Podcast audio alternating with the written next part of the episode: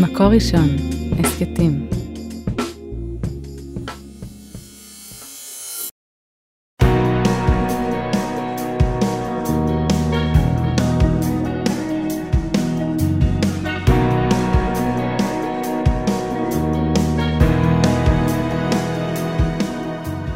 שלום הרבנית חמוטל שובל. שלום הרבנית שירה מרילי מירביס.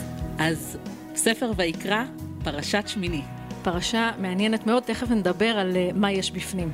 אז סיפור קצר על סבתא עליזה. סבתא שלי, סבתא אווישה, עלו ממרוקו, סבא וסבתא, וכשאבא שלי, הבן הבכור שלהם, נולד, והייתה שמחה מאוד גדולה, כשהם הגיעו לארץ, סבתא כל הזמן, בתור ילדה, אני זוכרת, אמרה לאבא, אתה הראשון, אתה לא הבכור. וואו. כן. ואני בתור ילדה זוכרת שלא הבנתי את זה כל כך, עד ששאלתי את סבתא כשגדלתי, והיא אמרה, היה לי ילד קטן, הוא נפטר במרוקו, ועלינו עם אבא שלך תינוק, ותמיד רציתי לזכור את הילד הזה, הוא זיכרון שהוא תמיד, הוא חלק מהמשפחה. ולכן אבא שלך הוא הראשון, הוא לא הבכור. איזה כאב לב. ממש. שכול שהולך איתך כל החיים. וואו, לגמרי. אז, אז בוא, בואי נדבר שנייה על מה יש לנו בפרשה הזאת. אז קודם כל, יש לנו את אירוע השיא.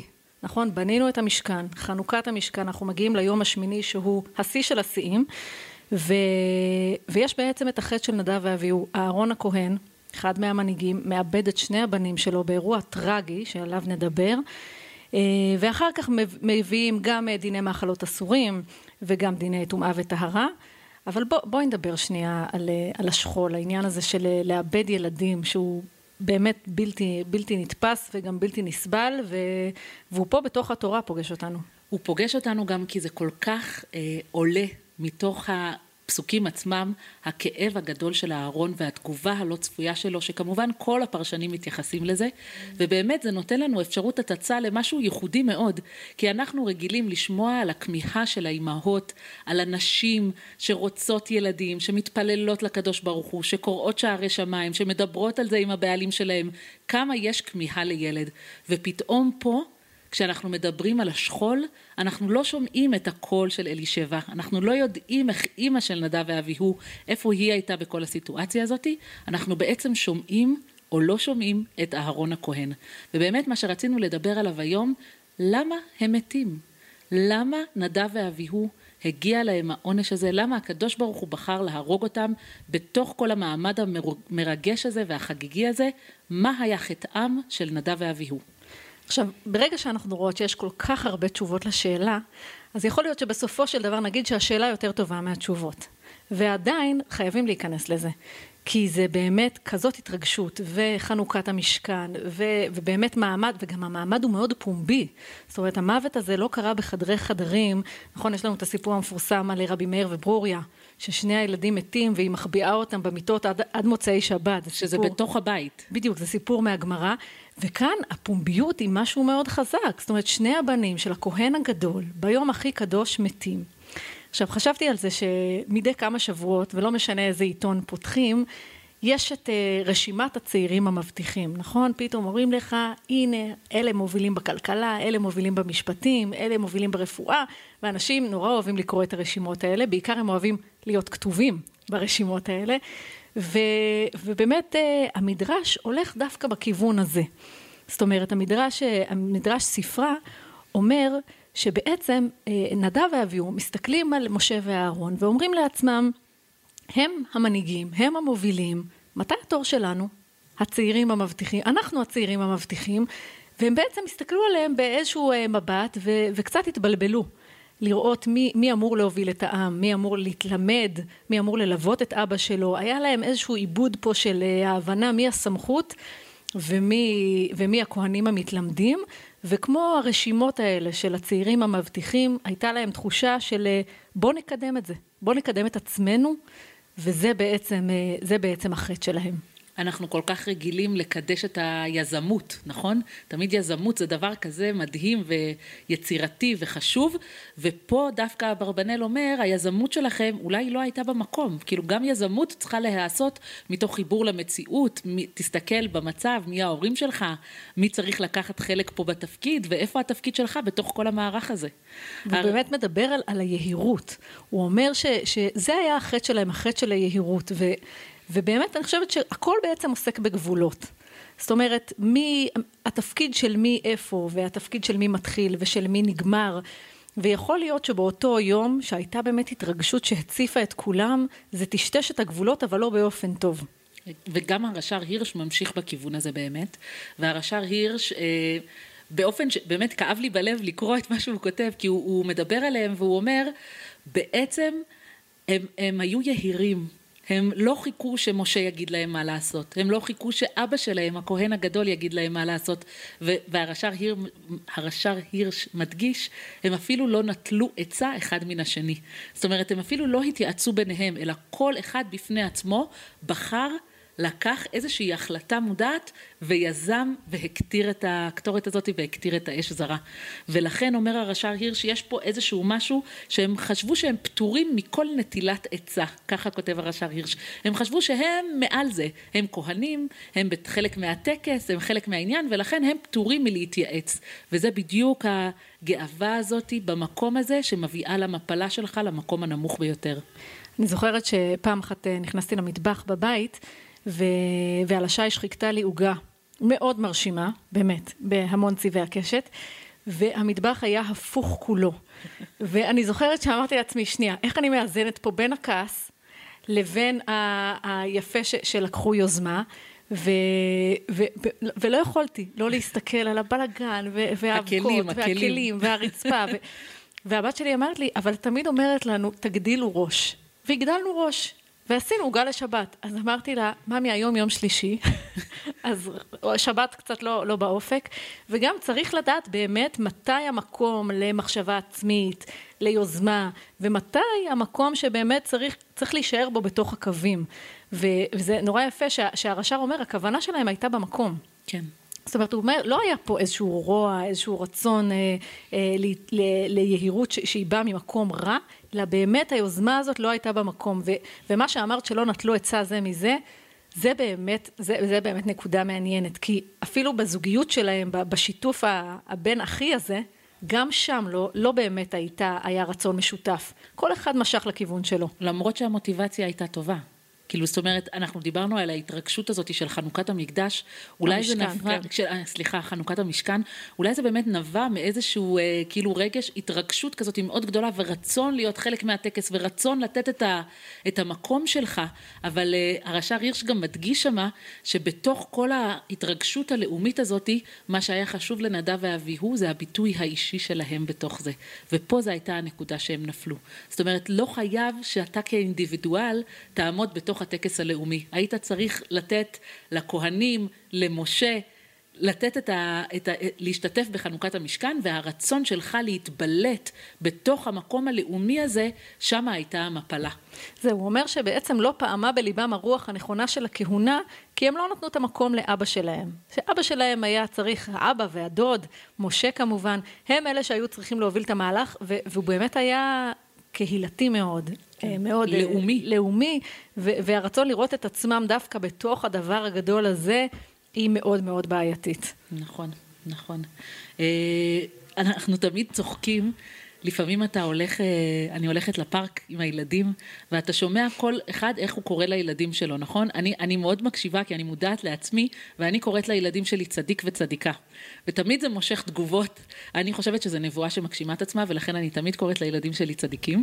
ופתאום אני הולכת לגינה ואני שומעת מישהו שאומר, מלך שלי, נסיך, נסיך, נסיך, נסיך עולה חזק. נסיך, או נסיכה של אימא, ואני כאילו, כאילו צורם לי שם משהו ואני לא יודעת בדיוק לשים את האצבע מה צורם לי בזה, מה, למה זה יותר טוב מצדיקה, או למה זה פחות טוב מצדיקה.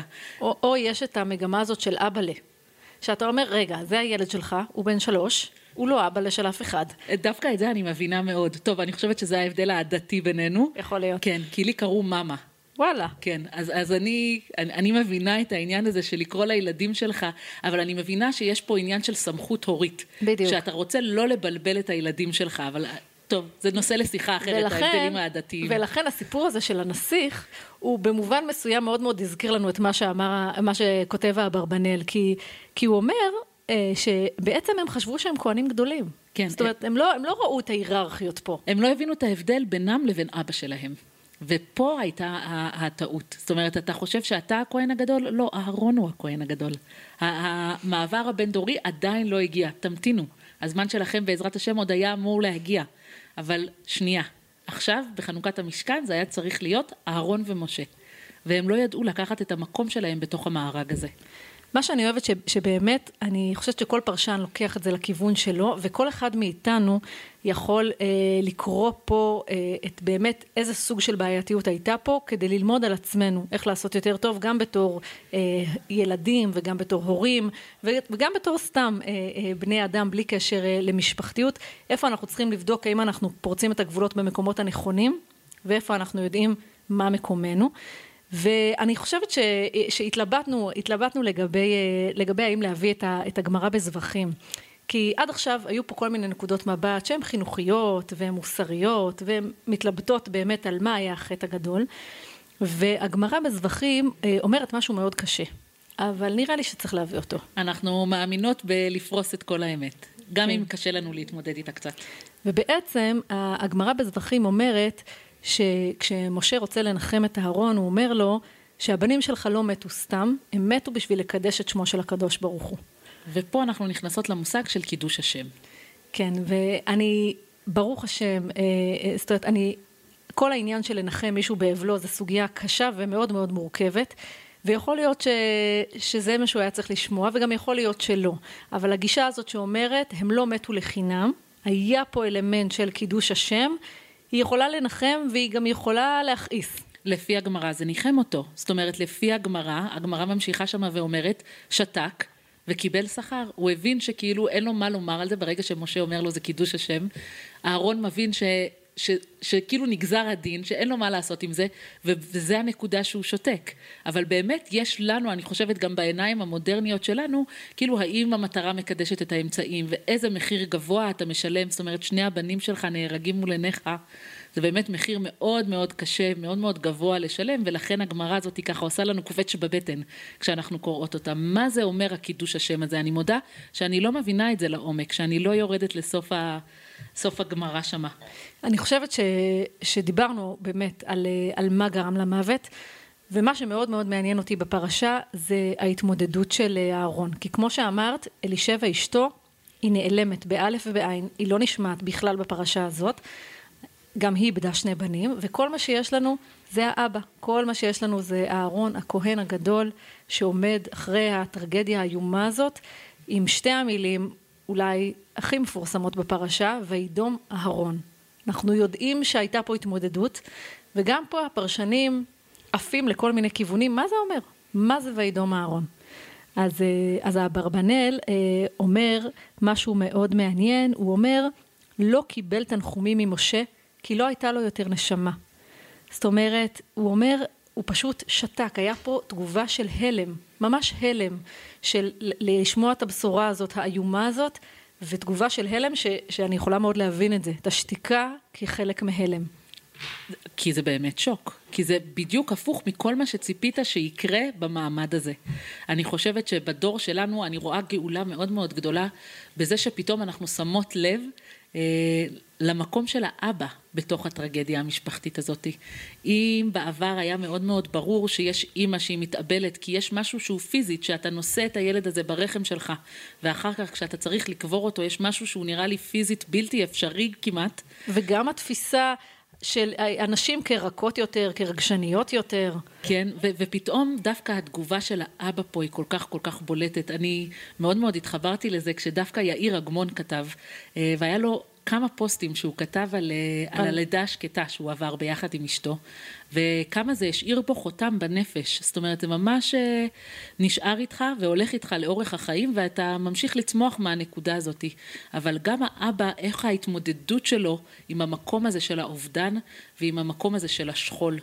אה, אני כל כך אהבתי את הרמב"ן דווקא, שהרמב"ן אומר שמה, וידום אהרון, זאת אומרת שהוא צעק לפני זה. זאת אומרת, למה התורה כותבת לנו וידום? למה יש פה ו'? מה היה לפני הו'? כן, גם, כאילו, זאת אומרת, היה משהו לפני, ומה שהיה לפני, אומר הרמב"ן, היה בוכה בקול. ואז שתק. ואני פשוט יכולה לדמיין שם את אהרון הכהן בתוך החגיגיות, בתוך הבגדים היפים של הכהן החדשים. בוכה. בוכה, צועק בקול רם על, ה, על הטרגדיה המטורפת שהוא לא, של השוק, שהוא לא מאמין למה שהוא רואה שקורה לנגד עיניו, ואז הוא שותק. והדממה הזאת היא עוצמתית והיא חזקה, בדיוק כמו הצעקה. זאת אומרת, באותו מקום. אני מאוד אהבתי לקרוא את הרמב"ן, כי אני חושבת ש, שכשלומדים את הפרשה הזאת בגילאים מאוד צעירים, אז אומרים לנו, וידום אהרון, קיבל עליו את הדין בדממה ולא זעק. איזה יופי. ואיזה מקסים, ו... ושתק וקיבל שכר, כמו שאמרנו. והרמב"ן, שהוא מעלה פה את הבכי, הוא, הוא מקסים בעיניי, כי אנחנו לא באמת יודעים מה היה שם. וזה שהוא נותן את האופציה הזאת לבכי ולבכי של האבא, זה, זה נהדר. זאת אומרת, לא באמת אנחנו לא באמת, אה, אה, הרמב"ן לא יוצר פה דמות אה, גברית. על-אנושית. כן, שותקת, מאופקת, הוא אומר לא, הוא בכה, הוא, הוא באמת בכה. הוא בכה, הוא צעק, ואחר כך מנחמים אותו, ואחר כך כאילו הוא תופס את עצמו והוא שותק, אבל השתיקה היא כל כך כל כך עוצמתית, כשהיא באה גם אחרי הצעקה הזאת. אה, גם הספורנו, הוא ממשיך בכיוון של הגמרא בזבחים. הספורנו אומר, וידום אהרון, שהתנחם בקידוש השם, שנקדש במותם. זאת אומרת, זו הייתה הנחמה שלו. שזה מקום של אה. צידוק הדין. מת... צידוק הדין, אבל זה גם מקום של איך אתה מתמודד עם השוק, איך אתה מתמודד עם העצב הנוראי הזה, איך אתה מתמודד עם השכול, על ידי זה שאתה מוצא נקודה להיאחז בה, ולומר, זה לא היה לחינם, זה לא היה סתם, הם לא נעלמו מהאוויר, אלא היה פה איזשהו משהו שאולי אני לא מבין, אבל איזושהי גזרה מהקדוש ברוך הוא. עכשיו, אחד הדברים המעניינים שאנחנו עוברים את הטרגדיה הזאת, התורה כ... כדרכה לא, לא מרבה במילים, באמת אה, אה, מוציאים את אה, נדב ואביהו, ועוברים לדבר על איך ראוי להיות כהן. ואחד הדברים שככה תפסו את עינינו זה, זה הדיבור על, על שכרות, על העניין הזה שכשכהן נכנס לעבודה, לעבודה שלו במשכן, הוא לא יכול לשתות לפני, ובכלל, כל המשמרת שלו, וגם אחר כך, כשבונים את בית המקדש, אסור לשתות. ואנחנו בעולם המודרני מאוד מודעים באיזה מצב נפשי אנחנו נמצאים ואיזה חומרים אה, עובדים על הגוף שלנו. ו, וכבר אז הם ידעו שיש, אה, שיש דברים שדורשים צלילות דעת. ושאנחנו לא רוצים להיות מוסכים, זאת אומרת, אנחנו לא רוצים השפעה אחרת על התודעה שלנו, זאת אומרת, זה משנה תודעה. כל הסיפור הזה של השכרות. עכשיו, חלק מהפרשנים אומרים, ברור, מה זאת אומרת? הייתה את הטרגדיה הזאת, ואחר כך אה, נותנים את ההנחיות לכהנים לא להיות שיכורים. ברור שנדב ואביהו היו שיכורים, ו, ובאמת ככה, ככה הולך אה, אה, יונתן בן עוזיאל, פירוש יונתן בן עוזיאל, שהוא אומר, אל תשתו יין, ו, ובכוונה לאהרון, כמו שעשו בניך, שמתו בשרפת אש. שזה נורא. כן, יש פה משהו קשה מאוד. קשה מאוד, כן. אבל זה לא בהכרח. רבנו בחיי לוקח את זה למקום טיפה טיפה אחר, והוא אומר למה בעצם האיסור הזה על לשתות יין? בגלל שזה מוליד גסות רוח. ו, ואני חושבת שזו הגדרה כל כך כל כך מדויקת, אה, שזה מוליד גסות רוח, זאת אומרת, זה משהו שבסיטואציה רגילה היית מצליח לעדן בעצמך. כשאתה בתודעה רגילה, אתה שוקל את המילים שלך, אתה שוקל את ההתנהגות שלך, אתה שם לב איך אתה מדבר ואיך אתה מתנהג, ומה שהאלכוהול גורם לך, זה גורם לך כאילו להוריד את המגננות האלו, להוריד את ה... את ה אה, נקודות עצירה ופשוט להוציא כל מה שיש בך וזה יכול להוליד גסות רוח. ובעצם ו... מה שדיברנו בהתחלה, שבעינינו זה, זה הנושא של הפרשה הזאת, באמת גבולות, כי, כי גם uh, בסיפור של נדב ואביהו וגם, וגם בשכול, עד איפה הולכים ועד איפה מתאבלים ו, ומתי uh, סביר לבכות ומתי צריך uh, בתור הכהן הגדול uh, להיות בדממה, אז, אז באמת העניין הזה שהשכרות נכנס גם הוא, זאת אומרת uh, העניין הזה של, ה, של הגבולות, עד איפה אני הולכת ולאן אני מגיעה עם אלכוהול וכל מיני חומרים שפועלים עליי, ובעצם כשאתה משרת ציבור, אתה לא יכול להיות תחת השפעה של שום גורם זר. זאת אומרת, התודעה הזאת של הכהנים, שיכול להיות ש, שזה מה שנדב ואביהו איבדו, את ההבנה הזאת שהם משרתי ציבור, הם לא באו להשאיר את חותמם האישי, אלא הם כהנים שנשלחו בשם העם ולא מעצמם, אז, אז יכול להיות שזה העניין, שה... שההתנזרות מאלכוהול באה לחדד את התודעה הזאת של השליחות, ולא של אני ואפסי עוד. כי הרבנו בחיי, בדיוק על זה הוא כותב, הוא אומר, כשאתה תחת ההשפעה של אלכוהול, אז מטשטש לך הגבולות בין מה קודש לבין מה חול. בין מה טמא לבין מה טהור. כאילו הכל פתוח, כל האופציות על השולחן, הכל נראה לך פתאום סביר, או רלוונטי, או יכול, כאילו חלק מחוקי המשחק. ולכן האלכוהול בעצם מטשטש את הגבולות, ואולי, אולי זה בעצם מה שהפרשנים מנסים לומר לנו על חטאם של נדב ואביהו, שהייתה פה בעיה של טשטוש בגבולות. בין אם זה טשטוש בין דורי, בחוסר הבנה שלהם על המקום שלהם לעומת המקום של משה ואהרון, בין אם זה הבנה בין הכיבוד הורים שהם היו צריכים לאהרון הכהן הגדול, לבין המקום שלהם כילדים, ובין אם זה חוסר הבנה לעומת המקום הלאומי, לעומת המקום הפרטני האינדיבידואלי, ומתי זה כן נכון להביע את עצמך, ומתי זה לא המקום שתהיה הבעה אישית. אבל אני חושבת שלקשור את הנושא הזה של שכרות, אולי לא צריך להגיד אחד על אחד שהם היו שיכורים, אבל אפשר להגיד אולי שהיה טשטוש בגבולות, ואולי בעצם זה הנושא של הפרשה כולה. זאת אומרת, אולי מה שהפרשה הזאת מנסה לתת לנו, זה לגרום לנו להבין ולהבחין בחשיבות של גבולות נכונים. אה, של סמכות הורית, של סמכות לאומית, של מילים שהן קצת לא פוליטיקלי קורקט היום, אבל של היררכיה, לא עלינו. כן. אבל כן, גם של היררכיה. מה שאני, מה שאני אוהבת uh, בפירוש ההמשך, שהוא כותב לנו, אל תחשבו שהסיפור הזה של אלכוהול הוא רק אזהרה לכהנים. זאת אומרת, ברור שהוא אזהרה לכהנים, ברור שהם משרתי ציבור, אבל גם אנחנו בתור עם ישראל, גם לנו יש את האזהרה הזאת. זאת אומרת, גם אנחנו צריכים אזהרה מן היין, כי היין הוא בעייתי לכולם.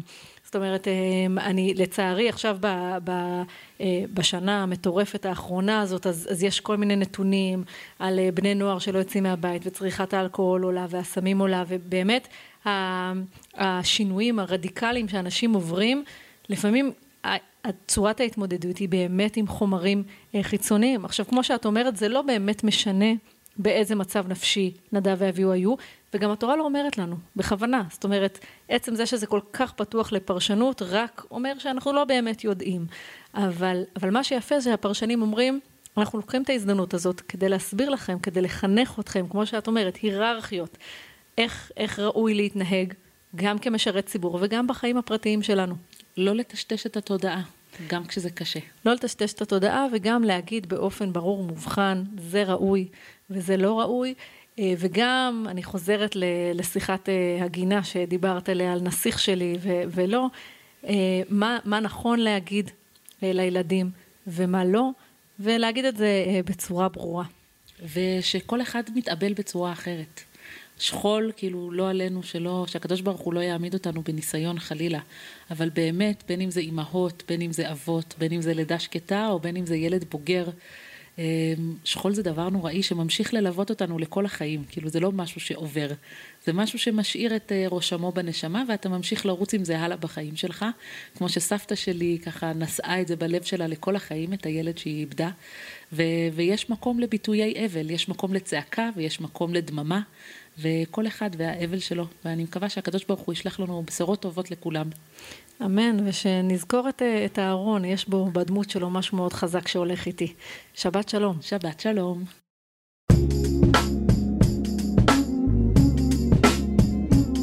מקור ראשון, הסכתים.